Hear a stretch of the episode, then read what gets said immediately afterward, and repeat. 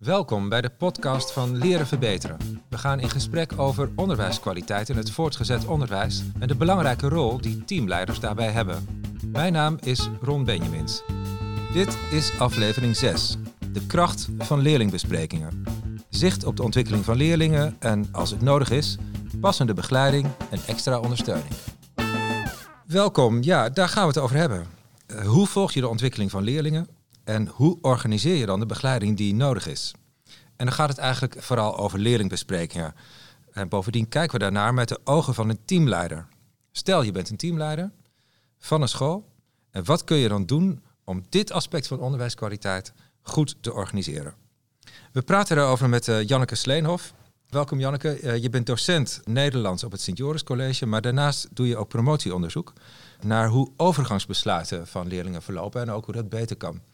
Promotieonderzoek heb ik altijd diep respect voor. Dankjewel. hoe, uh, hoe ver ben je, is dan geloof ik de belangrijkste vraag. Uh, ik ben uh, met de laatste fase bezig. Mijn onderzoek bestaat uit vier studies. Ik ben met studie 4 bezig. En ik hoop alles aan het einde van dit schooljaar af te ronden. Zo, ja, dat is echt fantastisch. En is het echt gewoon zo niet te doen als iedereen altijd denkt? Of, uh... Het valt mee. Ik vind het vooral heel erg leuk en interessant om naast het lesgeven ook met onderzoek bezig te zijn en de diepte in te gaan. Ja, dus ik, ik zou het iedereen aanraden. We komen uitgebreid te spreken over wat je onderzoekt en ook wat het, wat dat oplevert. we praten er ook over met Matt van Loo. Welkom Matt, je bent adviseur voor uh, leren verbeteren. Dus dat kom je over de vloer bij scholen uh, die een issue hebben met onderwijskwaliteit, om het uh, huiselijk te zeggen. En daarnaast ben je ook adviseur voor je eigen bedrijf. En ben je ook aanbieder van de digitale observatietool, de DOT, waar veel scholen mee werken.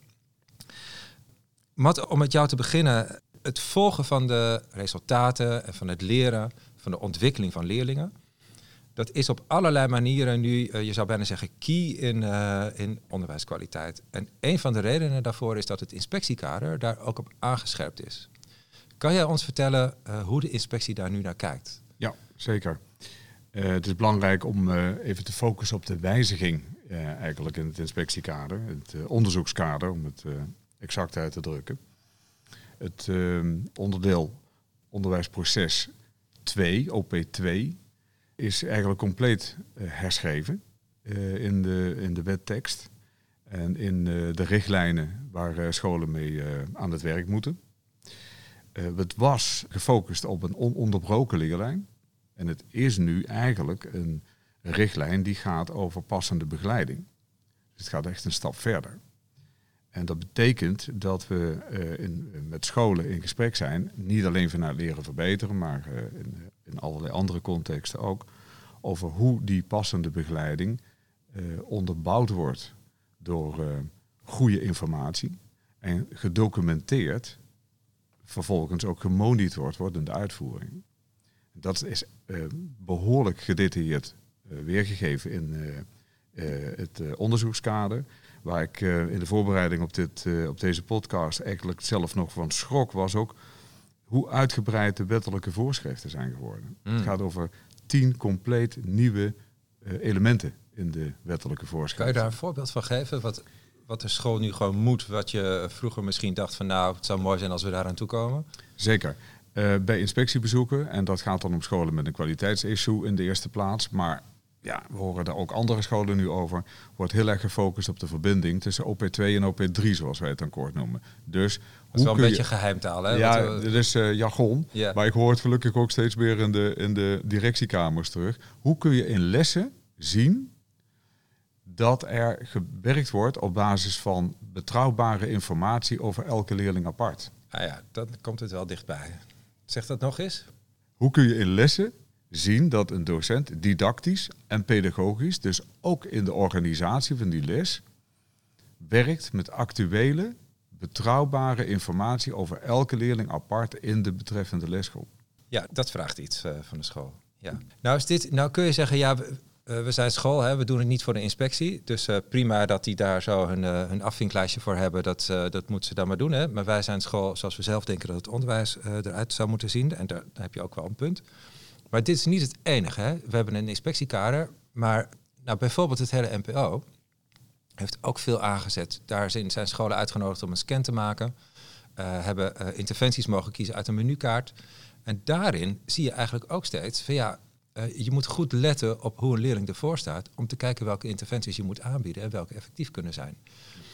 Wat weten we over het hele NPO-verhaal en eigenlijk hoe zijn leerlingen uit deze coronaperiode gekomen en dan fingers crossed dat we er al een beetje uit zijn? Ja, laten we dat laatste zeker hopen. Uh, wij weten uh, nu een stuk meer dan een aantal maanden geleden.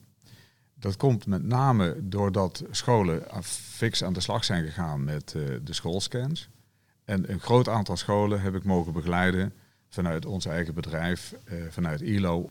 Dat hebben we als volgt gedaan. We hebben uh, alles bij elkaar meer dan 100.000 leerlingen geënquêteerd en hun ouders. En in sommige gevallen ook hun docenten op drie gebieden. Cognitieve ontwikkeling, sociaal-emotionele ontwikkeling en de ontwikkeling van executieve functies. Uh, dat is een zeer uitgebreide vragenlijst geworden, gemaakt door onze academische adviesraad. Het is een betrouwbare, valide enquête geworden.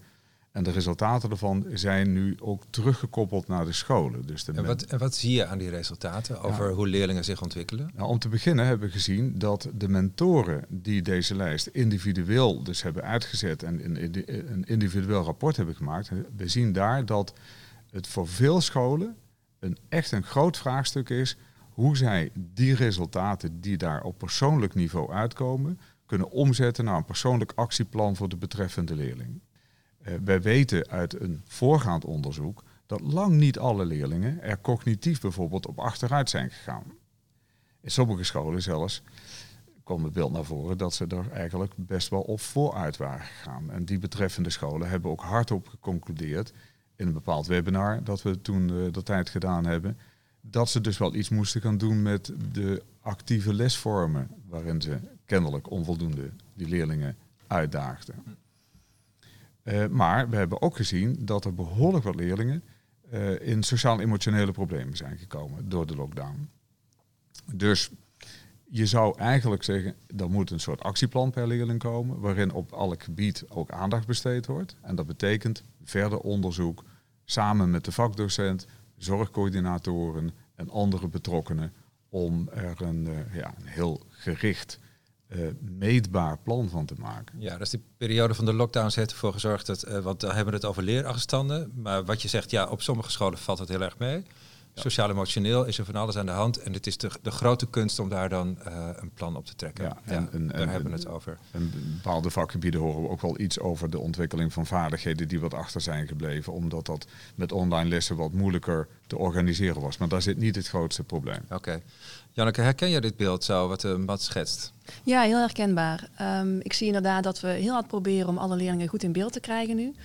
Uh, we proberen um, de leerlingen in kaart te brengen en te kijken wat heeft elke leerling nodig. Uh, ik vind dat zeker een uitdaging. Ik denk dat er ook een grote rol is weggelegd voor de mentor of coach.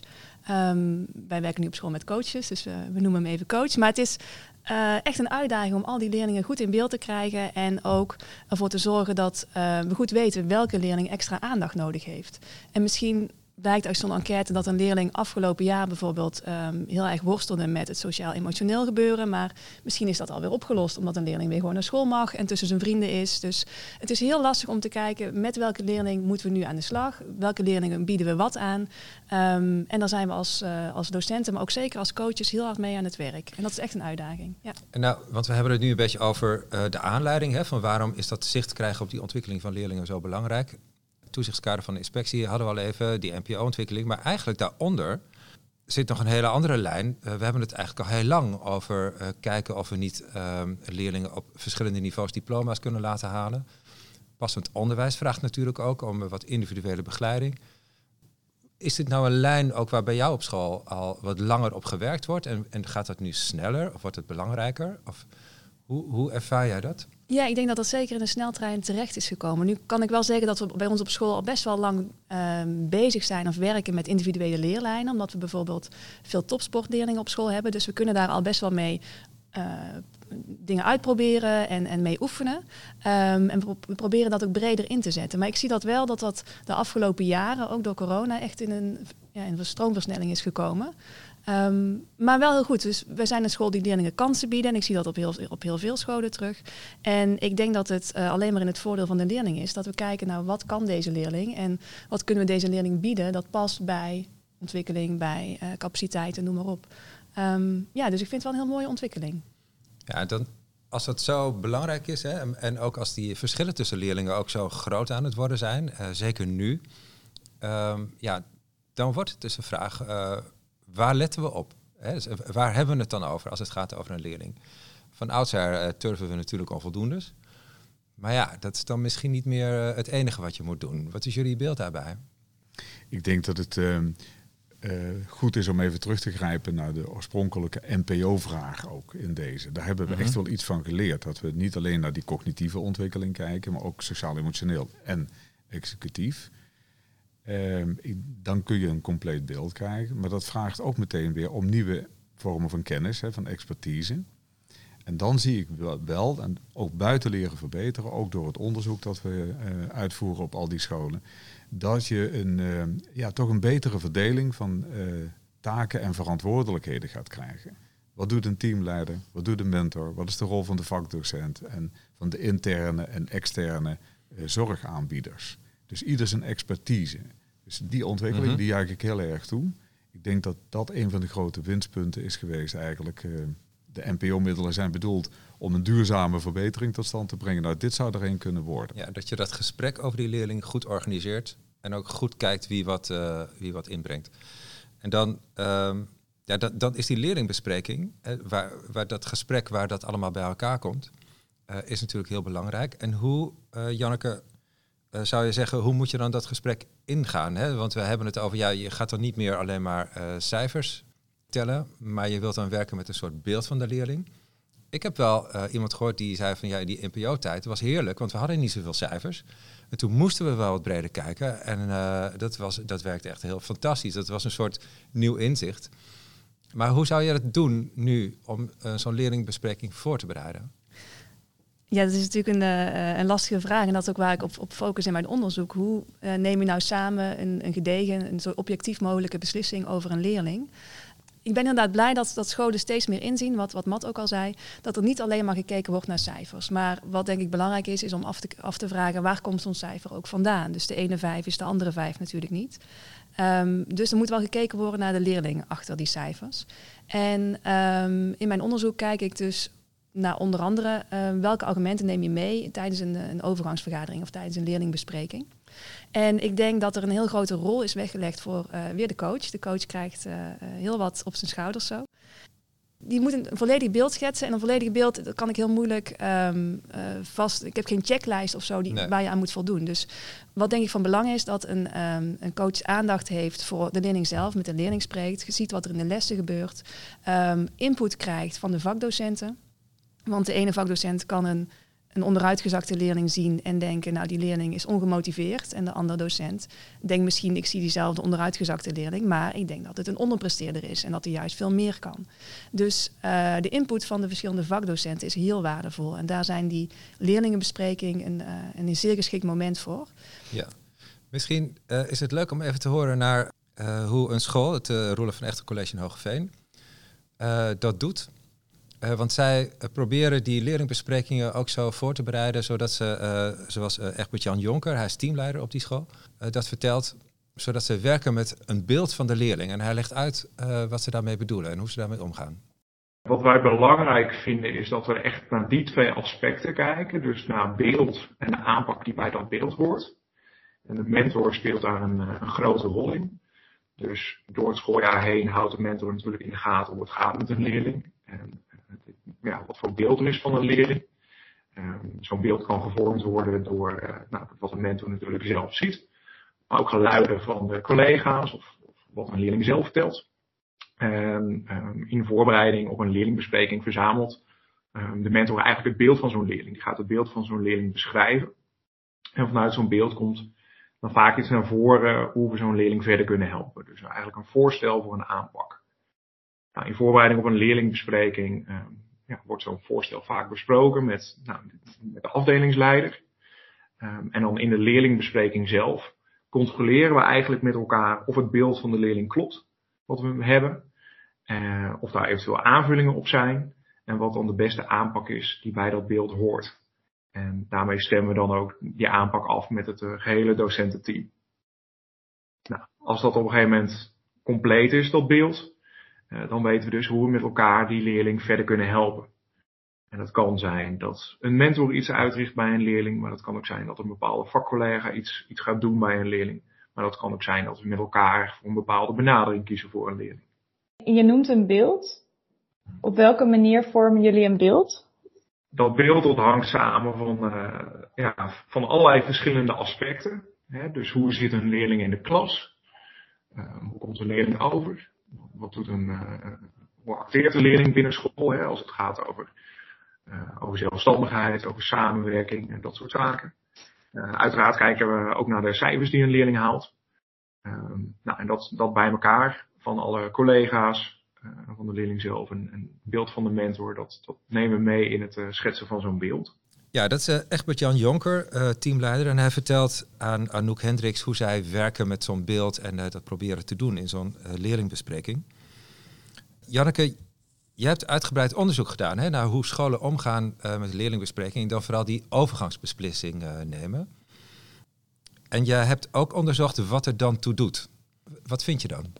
Ja, ik heb inderdaad um, op verschillende scholen, op vier scholen gekeken, wat gebeurt er nou in zo'n overgangsvergadering. Ik heb vooraf met heel veel docenten ook gesproken. Wat vinden zij van belang? Wat missen zij? Wat gaat er goed? Wat gaat er niet goed?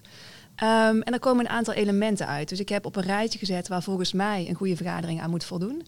Um, ik heb gekeken, voldoen vergaderingen daaraan? En er komen vier elementen uit, ik noem ze essentiële elementen, die ik niet in alle vergaderingen terugzie ik zal het subtiel zeggen. Uh, maar die volgens mij wel heel erg van belang zijn. En um, die vier punten zijn, ja, de allereerste is denk ik een, een soort stappenplan.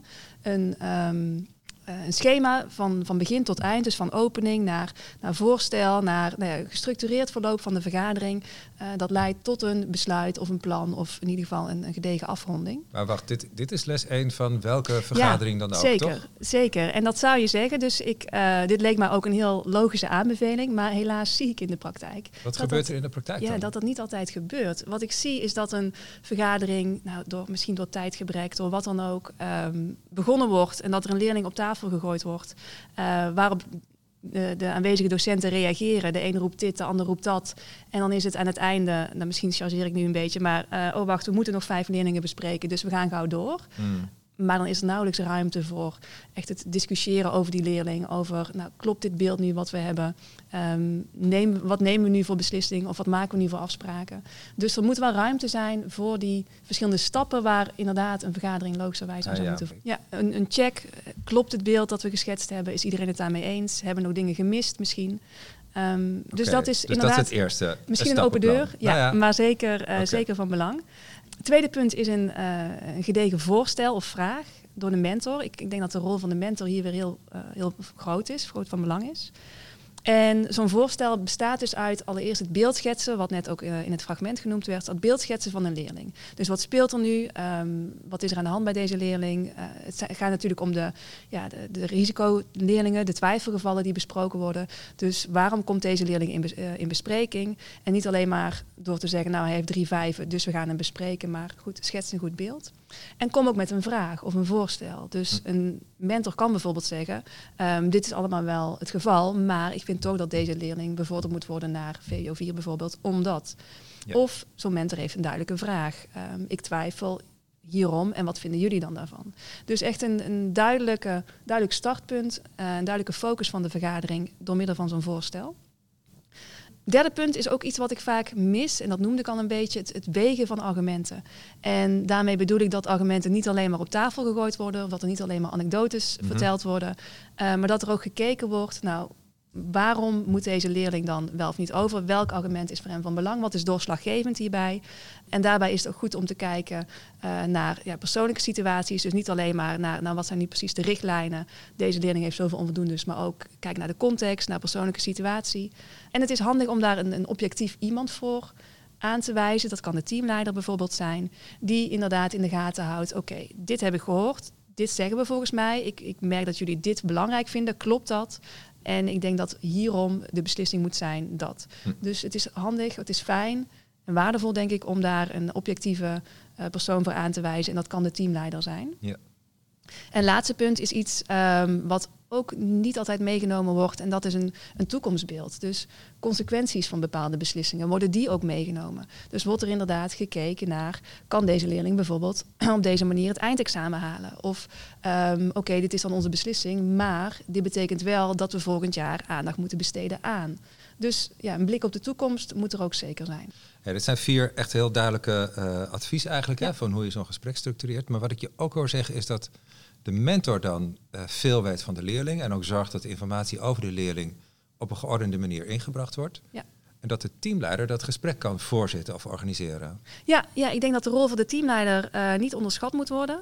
Een gespreksleider is natuurlijk van belang in, in elke sit, in elke vergadering. Uh, maar zo'n teamleider kan ook in de gaten houden. Doe het allemaal wel eerlijk. Doe het allemaal transparant. Klopt het wat we aan het doen zijn? En aan het einde even checken, oké, okay, voor deze leerlingen besluiten we dit of spreken we dit af. Aan het begin van de vergadering zagen we die leerling. Is dit allemaal terecht? Is het in verhouding? Dus ik denk dat het goed is dat zo'n teamleider um, sowieso ja, zich aan de reglementen houdt en zodat iedereen dat ook, ook volgt. Maar ook naar de leerling kijkt en een soort objectief, ja. Uh, ja, objectieve blik werpt op klopt het wat we aan het doen zijn ja. rond deze leerlingen. Ja. Dit gaat dan vooral, de, de dingen die je zegt, die gaan uh, over leerlingbesprekingen, maar vooral ook over die besprekingen waar je een besluit moet nemen. Hè? Dus uh, de, die overgangsbespreking. Maar dat, dat gesprek komt natuurlijk ook niet uit de lucht vallen. Wat jij, je zei eerder al van ja, eigenlijk moet je dat cyclisch doen. maar hoe zie jij, ja, het is eigenlijk één groot gesprek natuurlijk. Dat doe ik ook wel bij het koffiezetapparaat. Maar hoe organiseer je nou dat je niet één keer per jaar de balans opmaakt, maar dat heel structureel leerlingen volgt? We hebben het al even gehad over uh, uh, het uh, idee zicht op ontwikkeling en, en begeleiding van leerlingen. Dus het gaat niet alleen over het beeld, maar ook inderdaad over de aanpak. zoals daarnet in het vorige geluidsfragment al duidelijk naar voren kwam. Dit vraagt niet alleen een continue reeks van gesprekken. Dit vraagt eigenlijk ook om een beetje relativeren van de overgangsvergadering ik ben er echt nooit voor geweest dat een rapportvergadering aan het einde van het jaar als een soort goocheltruc georganiseerd wordt met een konijn uit een hoge hoed. Plotseling een besluit. Dat mhm. zou je al lang hebben moeten zien aankomen. Nog sterker, wij adviseren om vroeg in het jaar eigenlijk uh, de groep leerlingen die je moet bespreken min of meer vast te stellen. Natuurlijk verandert dat in de loop van de tijd. We noemen dat dan beetje ongezellig de risicoleerlingen, maar dat komt omdat we daar ook zijn vanuit leren verbeteren om te zorgen dat scholen weer aan de normen kunnen gaan voldoen. Uh, dus in die zin een risico.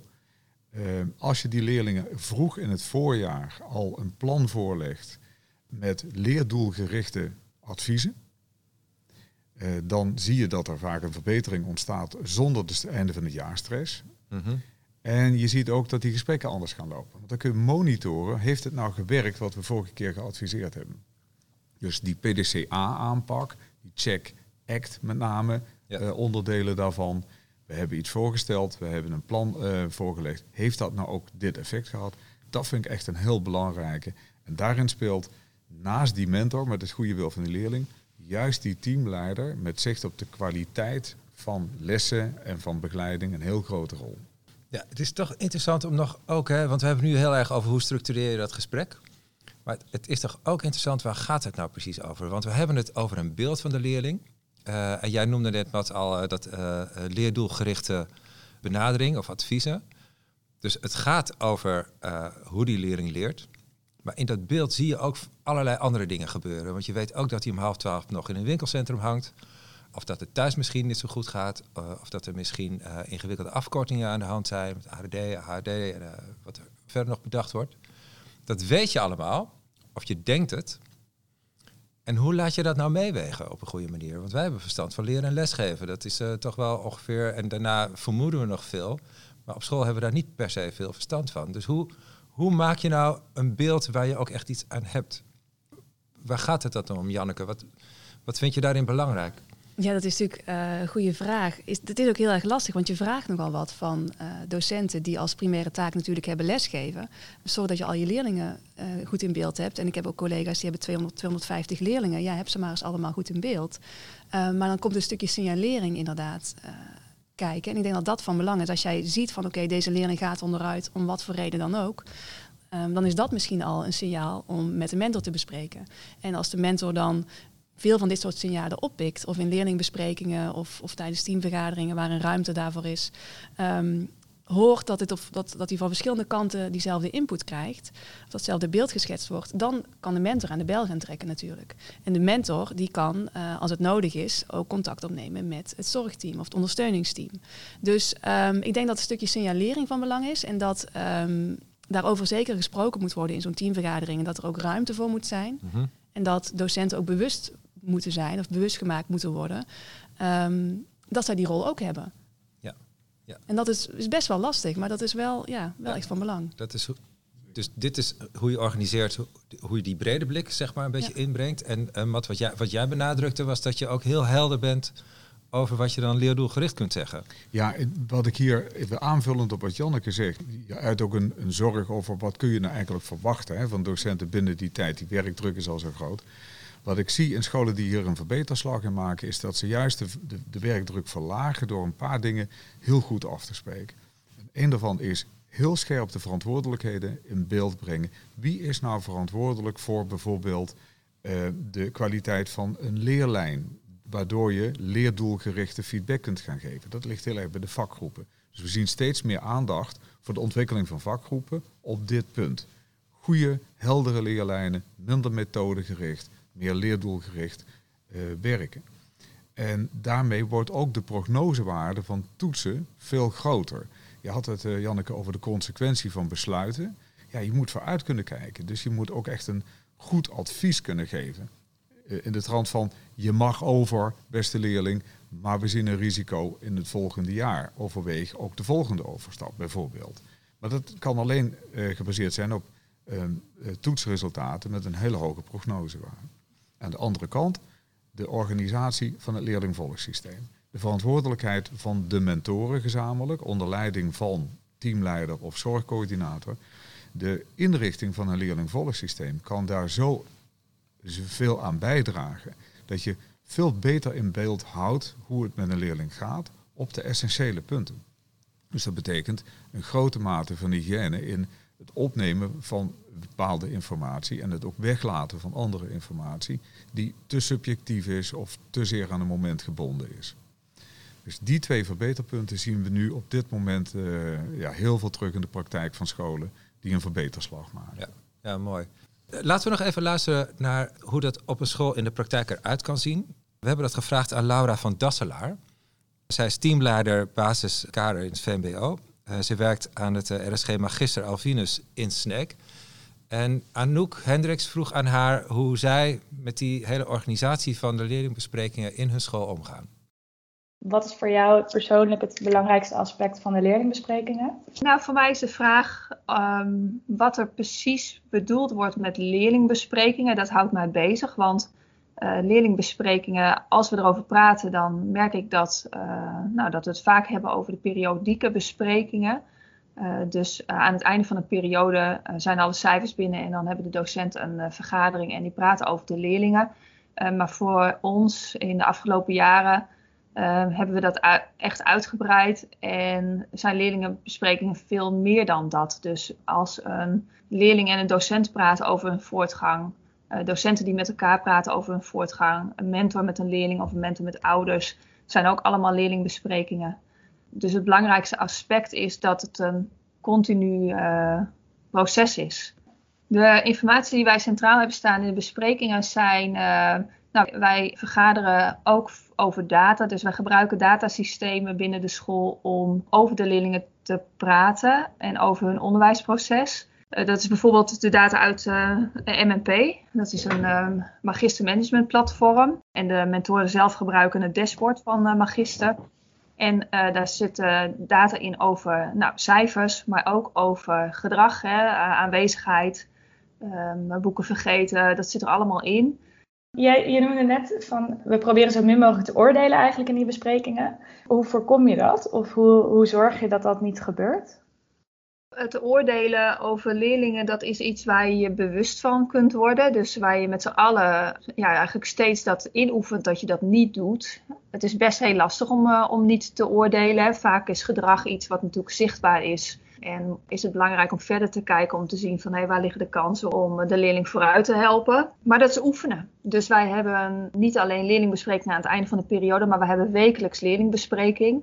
De ene week is dat de onderbouw. En de andere week is dat de bovenbouw. Dus dan gaan we in kleinere groepen praten over de, over de leerlingen. Het is drie kwartier aan het begin van de week. En het gaat vrijwel alleen maar over uh, leerlingen en over hoe we ze vooruit kunnen helpen. dus dan gaat het over afspraken. We richten ons op afspraken. wat heeft je met de leerling uh, besproken? Um, waar liggen de kansen en wat ga je doen? Dus wat gaat de docent doen en wat gaat de leerling doen? Ja, dat is uh, Laura van Dasselaar van het Magister Alvinus in Sneek. Uh, ja, waar ze mee eindigt is ook mooi, hè? Dan, uh, want het gaat over afspraken maken. En uh, dat is natuurlijk toch wel een beetje de proof of the pudding. Want je kan hele mooie gesprekken voeren, maar het gaat natuurlijk toch ook echt over de effectiviteit van de afspraken die je daarin maakt. En, en hoe je die vastlegt. We horen haar zeggen dat ze dat in Magister doet. en, kan, kan, je nou in Magister kwijt wat er toe doet? Ik vind dat wel lastig hoor, want um, ik hoor haar zeggen inderdaad, we kijken naar cijfers in magister en uh, of dat een leerling zijn boeken bij zich heeft en zijn spullen op orde heeft. Dat is meestal wat er in magister staat. Ja, dat staat in magister natuurlijk, ja. maar dat is natuurlijk niet het volledige beeld dat er bestaat. Dus ik vind dat wel een lastige. Dus wat zet je allemaal in, in magister, wat is nuttig? En dan heb je die mogelijkheid om opmerkingen te plaatsen en dan krijg je vaak toch van die opmerkingen, uh, deze leerling moet beter zijn best doen of uh, hij moet meer oefenen met deze vaardigheid.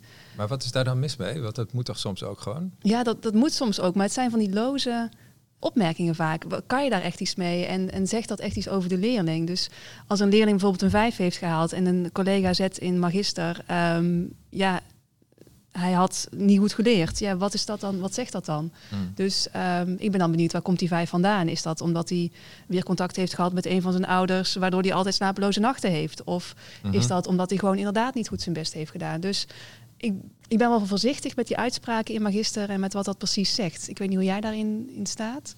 Ja, ik ben natuurlijk heel erg voor uh, opmerkingen die verklarend kunnen werken, dus signalerend kunnen zijn. Maar tegelijkertijd, misschien toch iets belangrijker nog, dat uh, vakdocenten vanuit die leerdoelen adviezen geven over wat er dan te doen valt voor de komende periode.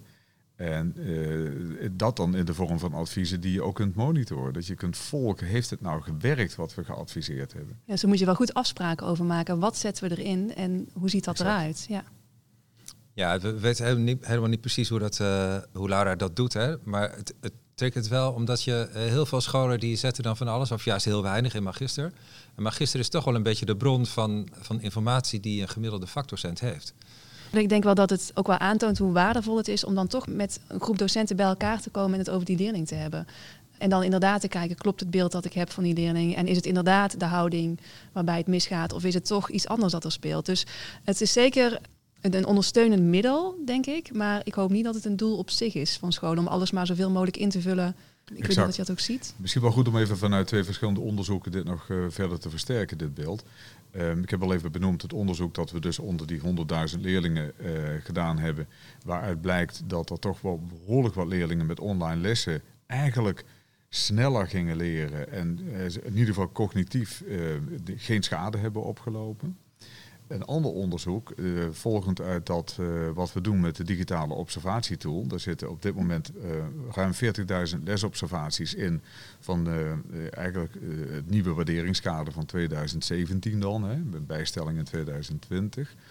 en een hele leuke indicator daarin, waar veel docenten op dit moment best moeite mee hebben, is deze docent zet leerlingen alvast aan het werk die geen nadere instructie nodig hebben. Dat is iets wat je dus in elke les eigenlijk zou moeten zien als je dus letterlijk neemt wat in het onderzoekskader staat. En wij zien dat dat uh, gemiddeld genomen niet hoog scoort. En dat veel docenten dat ook moeilijk vinden om ter plekke te beslissen welke leerlingen alvast iets anders kunnen gaan doen of alvast verder kunnen met hun werk.